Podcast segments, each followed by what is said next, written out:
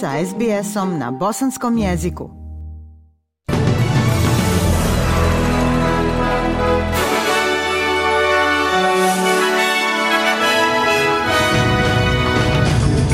U današnjim vijestima poslušajte.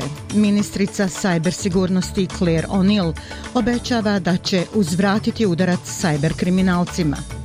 Upozorenja o poplavama za Novi Južni Vels i Viktoriju – I u sportu Australija pobjedila Veliku Britaniju i izborila plasman u finale kupa Billie Jean King.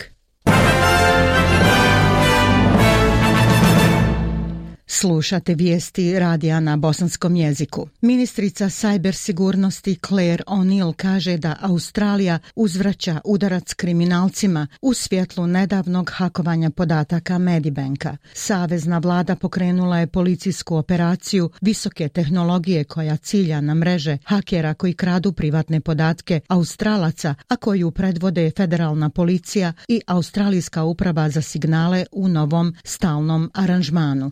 Ministrica O'Neill kaže da vlasti moraju prilagoditi cijeli svoj pristup ovom obliku kriminala, budući da se Australija suočava s nemilosrdnim talasom sajber napada. Govoreći za ABC, ona kaže da je stavljanje sajber kriminalaca iza rešetaka teška i dugotrajna operacija. Uh, Imamo ljude koji su u suštini našli utočište kod stranih vlada i kojima je dozvoljeno da nastave ovu vrstu aktivnosti.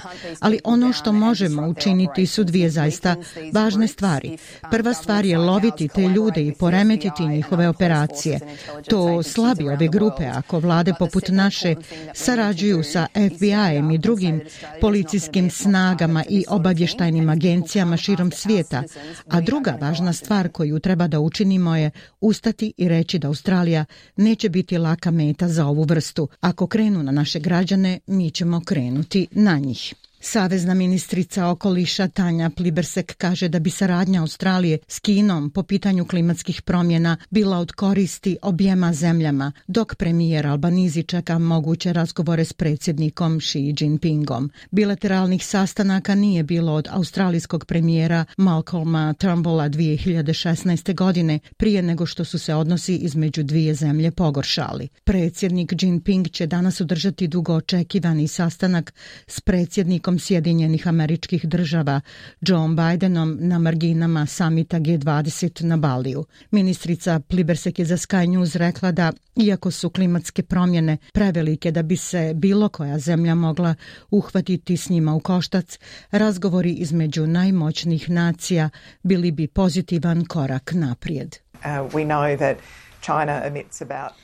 Znamo da Kina emituje oko trećine svjetskih gasova koji stvaraju efekat staklene bašte i zato moramo raditi na način da ove veoma velike emitere stavimo pred zajedničke interese. Ako Kina i Sjedinjene američke države mogu imati konstruktivne razgovore o klimatskim promjenama, to je dobro. To je dobro za sve.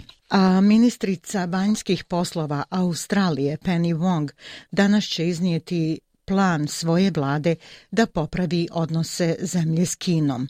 Danas popodne ministrica Wong će osuditi one za koje kaže da su zaglavili u prošlosti s Kinom. To je slabo prikrivena referenca na vodeće ličnosti laburista kao što su Paul Keating i Bob Carr, koji su pozvali vladu Albanizija da zauzme blaži stav prema Pekingu. Ministrica Wong će reći da laburisti planiraju tražiti saradnju s Kinom, istovremeno štiteći nacionalne interese Australije, što je važno u pitanjima trgovine, sigurnosti i ljudskih prava. Dalje padavine i oluje mogle bi danas dovesti do iznenadnih poplava širom Novog Južnog Velsa, jer se očekuje da će u neka područja pasti i do 150 ml kiše. Državna služba za vanredne situacije spasila je pet osoba i odgovorila na 191 poziv tokom noći, a izdala je upozorenja o poplavama za 10 rijeka.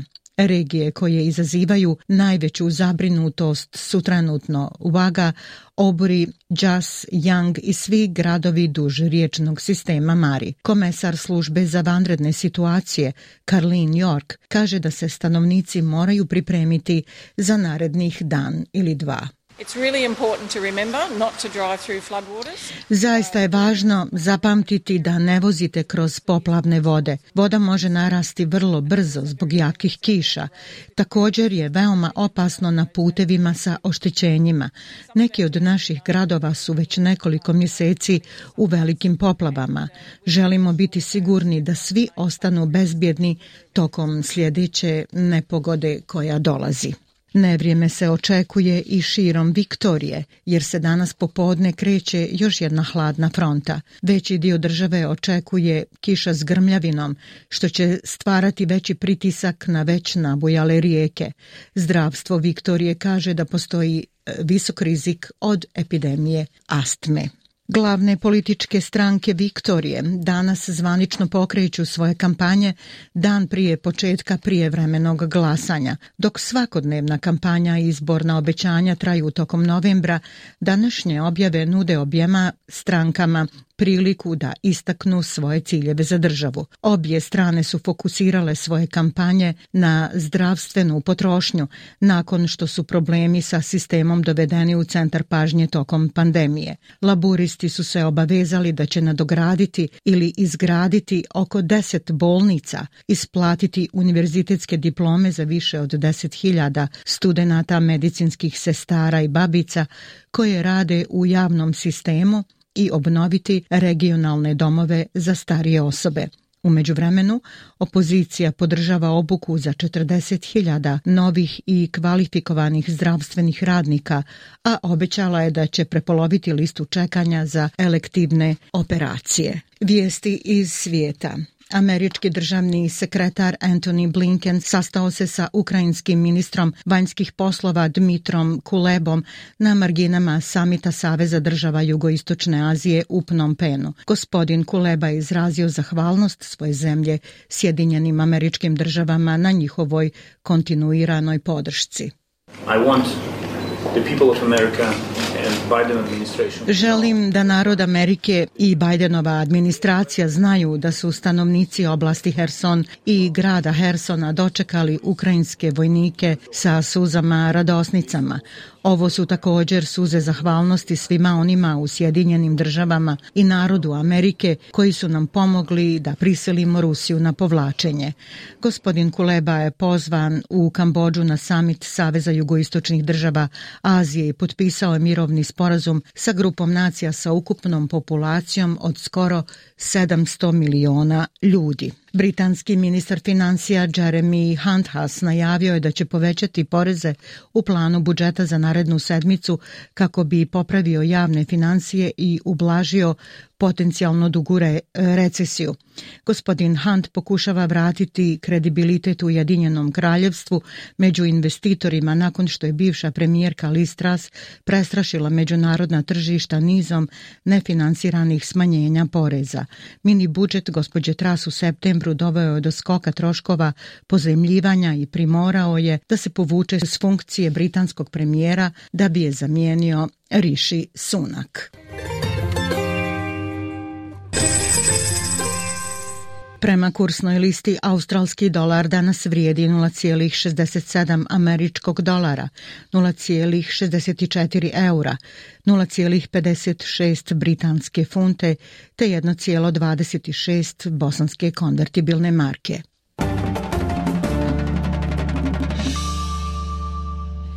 I vijesti sporta. U tenisu Australija se plasirala u finale kupa Billie Jean King, dakle na 59. izdanju međunarodnog turnira ženske teniske reprezentacije, pobjedivši Veliku Britaniju u napetoj odlučujućoj utakmici parova u Glazgovu. Ovo je prvi put da Ujedinjeno kraljevstvo nije ušlo u finale turnira Billie Jean King od 81. godine. Sedmostruki šampioni i rangirana kao najbolja nacija na svijetu, Australija će danas igrati protiv Švicarske ili Češke.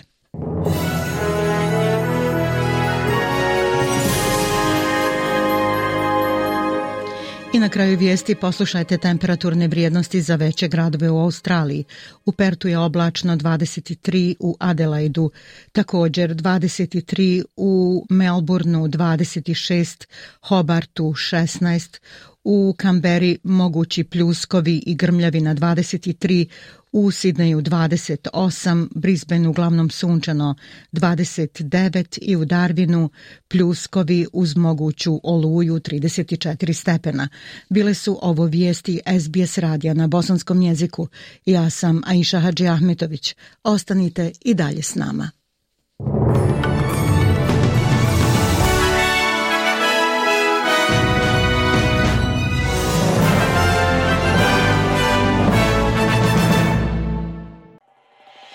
SBS na bosanskom. Podijelite naše priče preko Facebooka. Želite poslušati još ovakvih priča? Slušajte preko Apple podcasta, Google podcasta, Spotify ili kako god da primate svoje podcastove.